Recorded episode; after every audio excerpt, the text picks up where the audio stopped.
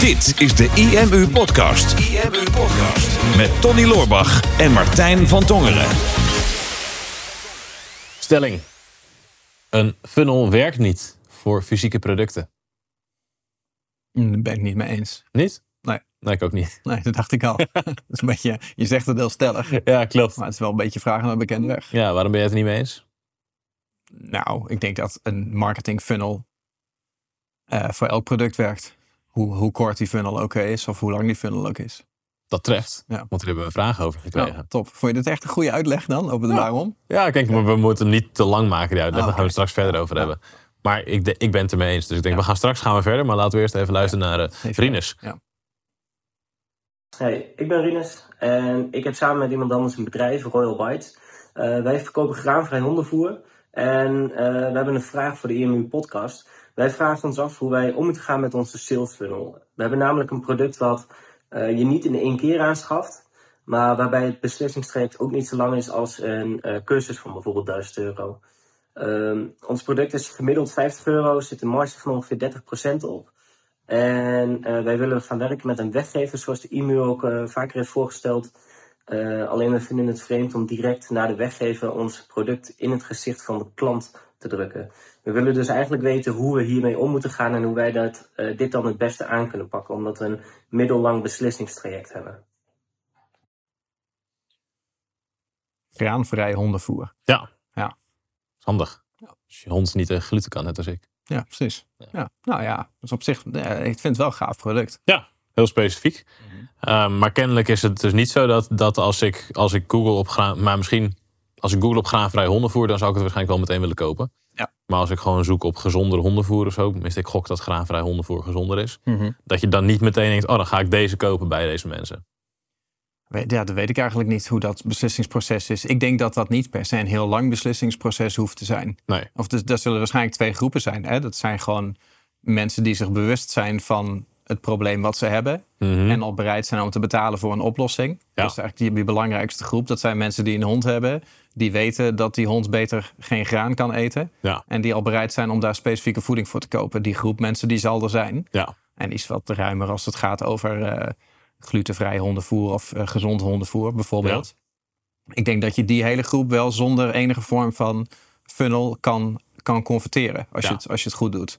Eh, al dan niet met een stukje retargeting erbij. Mhm. Eh, maar er zal ook een groep mensen zijn die niet meteen overtuigd is van het feit dat als zij hun hond gezonder eten willen geven, dat dat dan per se dat hondenvoer moet zijn. Exact. Ehm, en die mensen die moet je inderdaad wel opvoeden, eh, denk ik. Ehm, en, en ik weet niet of daar dat de conclusie, want wat hij zegt van nou, we vinden het een beetje raar om dan direct naar de weggever ons product in het gezicht van onze klant te duwen. Dat is een beetje een rare conclusie. Ja. Want dat is eigenlijk dat je voelt dat jouw product ehm, zeg maar niet iets positiefs is voor jouw klant. Ja, dat moet je juist als, een, als een optie zien, als een mogelijkheid. Van hey, Ja.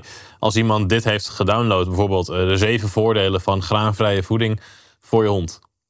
En iemand downloadt dat, dan weet je dat iemand kennelijk interesse heeft in graanvrije voeding voor de hond. Ja. Zou het vrij logisch zijn als op die bedankpagina komt van hey, wil je nou kennismakingskorting voor eh 20% eh, korting kan je nu je eerste zak bestellen, omdat je op deze pagina bent en net je PDF hebt gedownload. Ja. Is, zou één op één aansluiten op zo'n soort weggever. Hè, als dat de weggever is. Als je zegt ik ga hem ietsje breder trekken. Van nou, ik wil het hebben over ehm, zeven manieren om mijn hond, altijd zeven, vijf manieren om mijn hond gezonder te laten leven of iets dergelijks. Dan zou hem misschien op de bedankpagina meteen graanvrije hondenvoeding zou misschien verder weg voelen. Ja. Dat hangt ook vanaf wat het instappunt van de funnel natuurlijk is. Ehm, maar het belang van die graanvrije voeding, dat is eigenlijk het belangrijkste. Dat moet je herkennen. Dus inderdaad, ja, de directe match vanuit een Google search op graanvrije hondenvoer. Ja, daar kan je op adverteren of daar kan je hoog op scoren en dat wil je kopen. Maar zodra je naar een funnel gaat kijken, ja, dan dan wil je kijken wat voor weggever ga je inzetten. Waardoor het wel logisch is dat je dat aanbod meteen op de bedankpagina doet. Want waarschijnlijk als mensen interesse hebben in iets wat te maken heeft met de gezondheid van hun hond, dan zijn ze ook wel bereid om dan meteen een product aan te schaffen als er korting is. Ja, en dan zou het zelfs nadelig voor ze zijn dat ze niet de mogelijkheid hebben om dat product te kopen. Hè? Want dat is bijna dat je concludeert dat het product er niet is. En dat Ja. je dus zelf moet gaan googlen om te kijken of je dan dat ergens anders kan vinden. Hè? Want je bent waarschijnlijk zelf geen expert. Hè? Je bent op de een of andere manier achtergekomen dat jouw hond andere voeding nodig heeft. Mhm. Uh, laten we vanuit gaan dat het de eerste keer is dat je die voeding koopt. Dus, dus een dierenarts heeft dat tegen jou gezegd. Of vrienden hebben dat tegen jou gezegd. Of je, uh, of, of, of je hebt het zelf een bloedonderzoek bij je hond gedaan. Ik doe, doe maar iets. Denk, er is een manier hoe je tot die informatie bent gekomen. Van nou, mijn hond heeft dit probleem en daar moet een oplossing voor komen. Ja. En als je de helft van de oplossing krijgt en daarna niet de hele oplossing.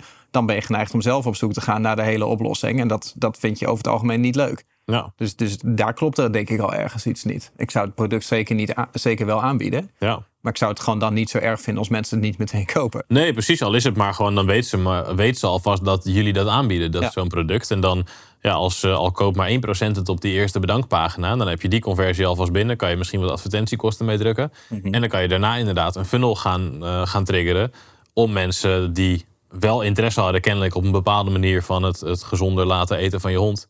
Um, naar je graanvrije hondenvoer te verwijzen. Dat kan natuurlijk door een e-mail funnel, maar dat kan je ook zien als een retargeting funnel inderdaad, die gewoon via advertenties draait. Van nou, iedereen die dat e-book heeft aangevraagd, die deze pagina heeft bezocht, Mhm. Nou, die willen we een video laten zien met zoveel voordelen van graanvrije voeding. We willen een verhaaltje laten zien van, uh, van Antje die een hondje heeft. Mhm. Ja, Antje van, ja, ja, komt, komt ze weer. Van, ja, Antje die een hondje heeft en um, die Als had vervanger van Hives. Oh.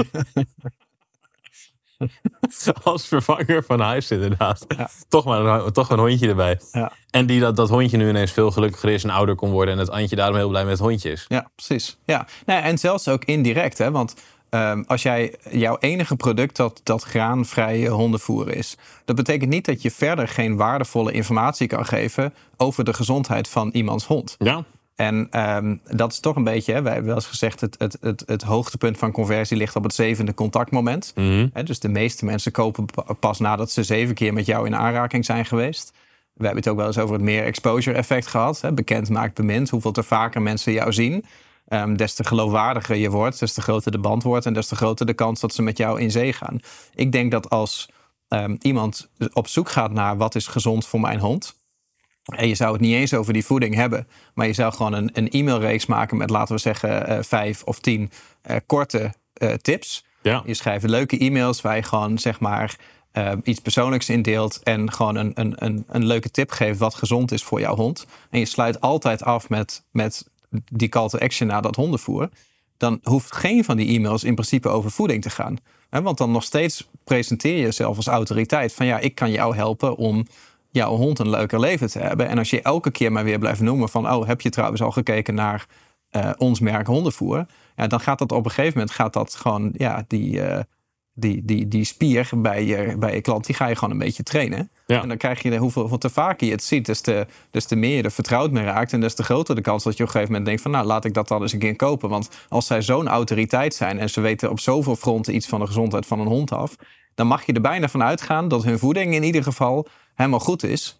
En wel beter dan dat van de concurrent, die misschien precies hetzelfde product verkoopt op zijn webshop, maar onder een andere naam, Mm -hmm. waar niet die autoriteit omheen zit. Ja. He, want, want jouw klant is over het algemeen geen expert.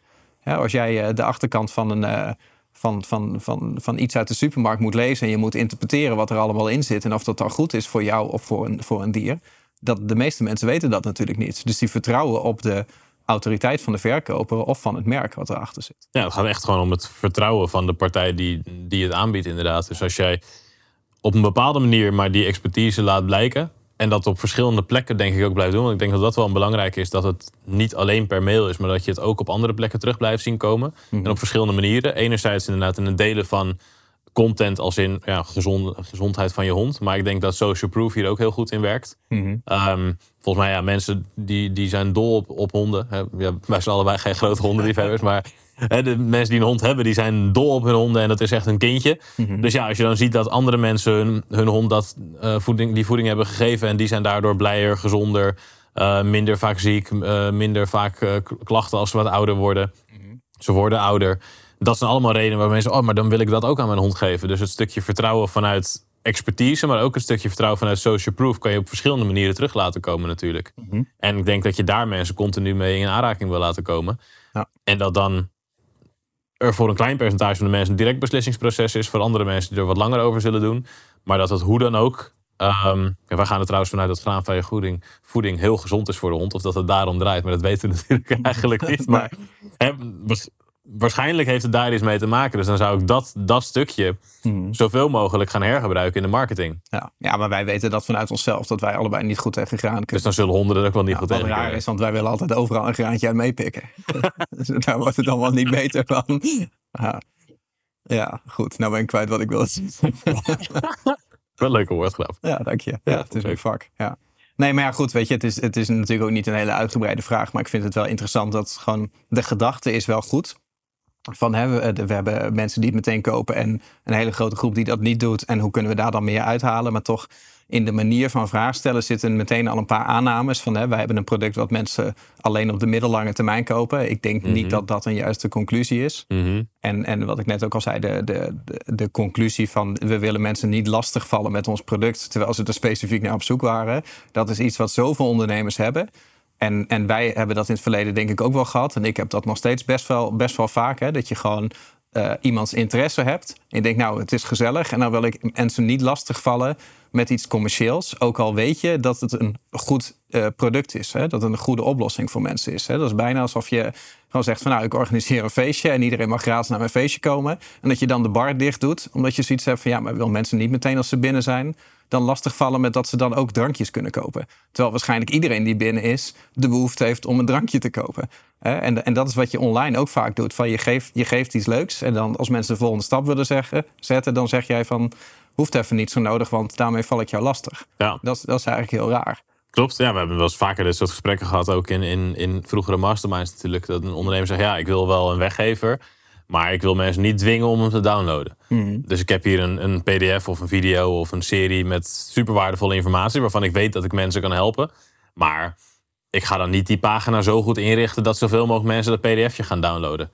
Nee, want dat vind ik lullig, want dan, ze moeten wel zelf die keuze maken. Ja. Dus ik ga ook mijn menu ga ik aanlaten en ik ga mijn footer aanlaten en social media buttons, want ja, dan is het een wat totaler beeld. Maar het zou veel beter werken als je alle afleiding weg zou halen en je mensen gewoon echt naar die ene pagina toestuurt. Ja. maar ik wil ze niet dwingen. Nee. Kijk, ja, maar je wilt toch mensen uiteindelijk zo goed mogelijk helpen met datgene wat jij te bieden hebt. Of dat nou gratis informatie of een bepaald product is. Wij gaan er in ieder geval in deze podcast over het algemeen vanuit. Als je iets te verkopen hebt, dan, dan heb je een goed product. En daar wil je mensen mee helpen. Ja. Dus ja, dan moet je ook je best doen om ervoor te zorgen dat mensen het überhaupt bij je kunnen aanschaffen. Ja. Dus conclusie, wel een funnel, Ja, maar niet te lang. exact. Ja, ja of nou, lang zou ook nog kunnen, maar hoeft niet per se nodig te zijn. Want wat jij net zegt, als je 10 e-mails of 15 e-mails met waardevolle informatie, met gezonde tips over je hond. Ja, dat kan best kan als lang ervaren worden. Maar als het gewoon allemaal leuke verhalen zijn en, en informatieve dingen waar mensen iets aan hebben.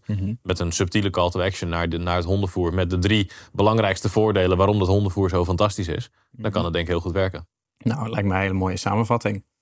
Ja, heb jij nou ook zo'n topvraag en wil je zo'n eh, mooi concreet kort antwoord hebben? Eh, stuur dan even je vraag in voor, eh, voor de Marketingpraat eh, podcast. Want je hebt het gezien, tegenwoordig laten we mensen live in de studio zo'n beetje verschijnen. Of tenminste, het wordt live opgenomen. Dan kan jij onderdeel zijn van Marketingpraat. Verzin even je vraag, schiet een korte video van jezelf en stuur hem in. En wie weet eh, behandelen we binnenkort jouw vraag in de podcast. IMU Podcast. Super tof dat je hebt geluisterd naar de IMU podcast. Ik hoop dat je dit waardevol vond en dat je er inzicht uit hebt kunnen halen voor jezelf en voor je eigen business. Vond je dit nou een waardevolle podcast, dan zouden Tony en ik het heel erg waarderen als je dat zou willen delen. Enerzijds door dat bijvoorbeeld te delen via je eigen Instagram of via LinkedIn. Door een screenshot te maken van je telefoonscherm en ons er even in te taggen. Maar wat we nog meer zouden waarderen is als je de tijd en moeite zou willen nemen om een review achter te laten. Werk je met een Apple-telefoon, dan kan je dat doen binnen je eigen podcast-app door daar een review te geven. Geef ons een x aantal sterren met daarbij een korte motivatie wat je van onze podcast vindt. Zouden we echt enorm waarderen als je die tijd zou willen nemen. En werk je met een Android-telefoon, dan zie je dat, daar, eh, dat de meeste apps geen review-mogelijkheid hebben. Wat we dan heel erg zouden waarderen is als je op Google IMU zou willen intypen en vervolgens via de Google Review-sectie iets zou willen vertellen over de IMU, wat je van ons vindt en wat je aan onze podcast hebt gehad. Alvast heel erg bedankt en ik hoop natuurlijk dat we je volgende week weer mogen verblijden met een volgende aflevering van de IMU Podcast.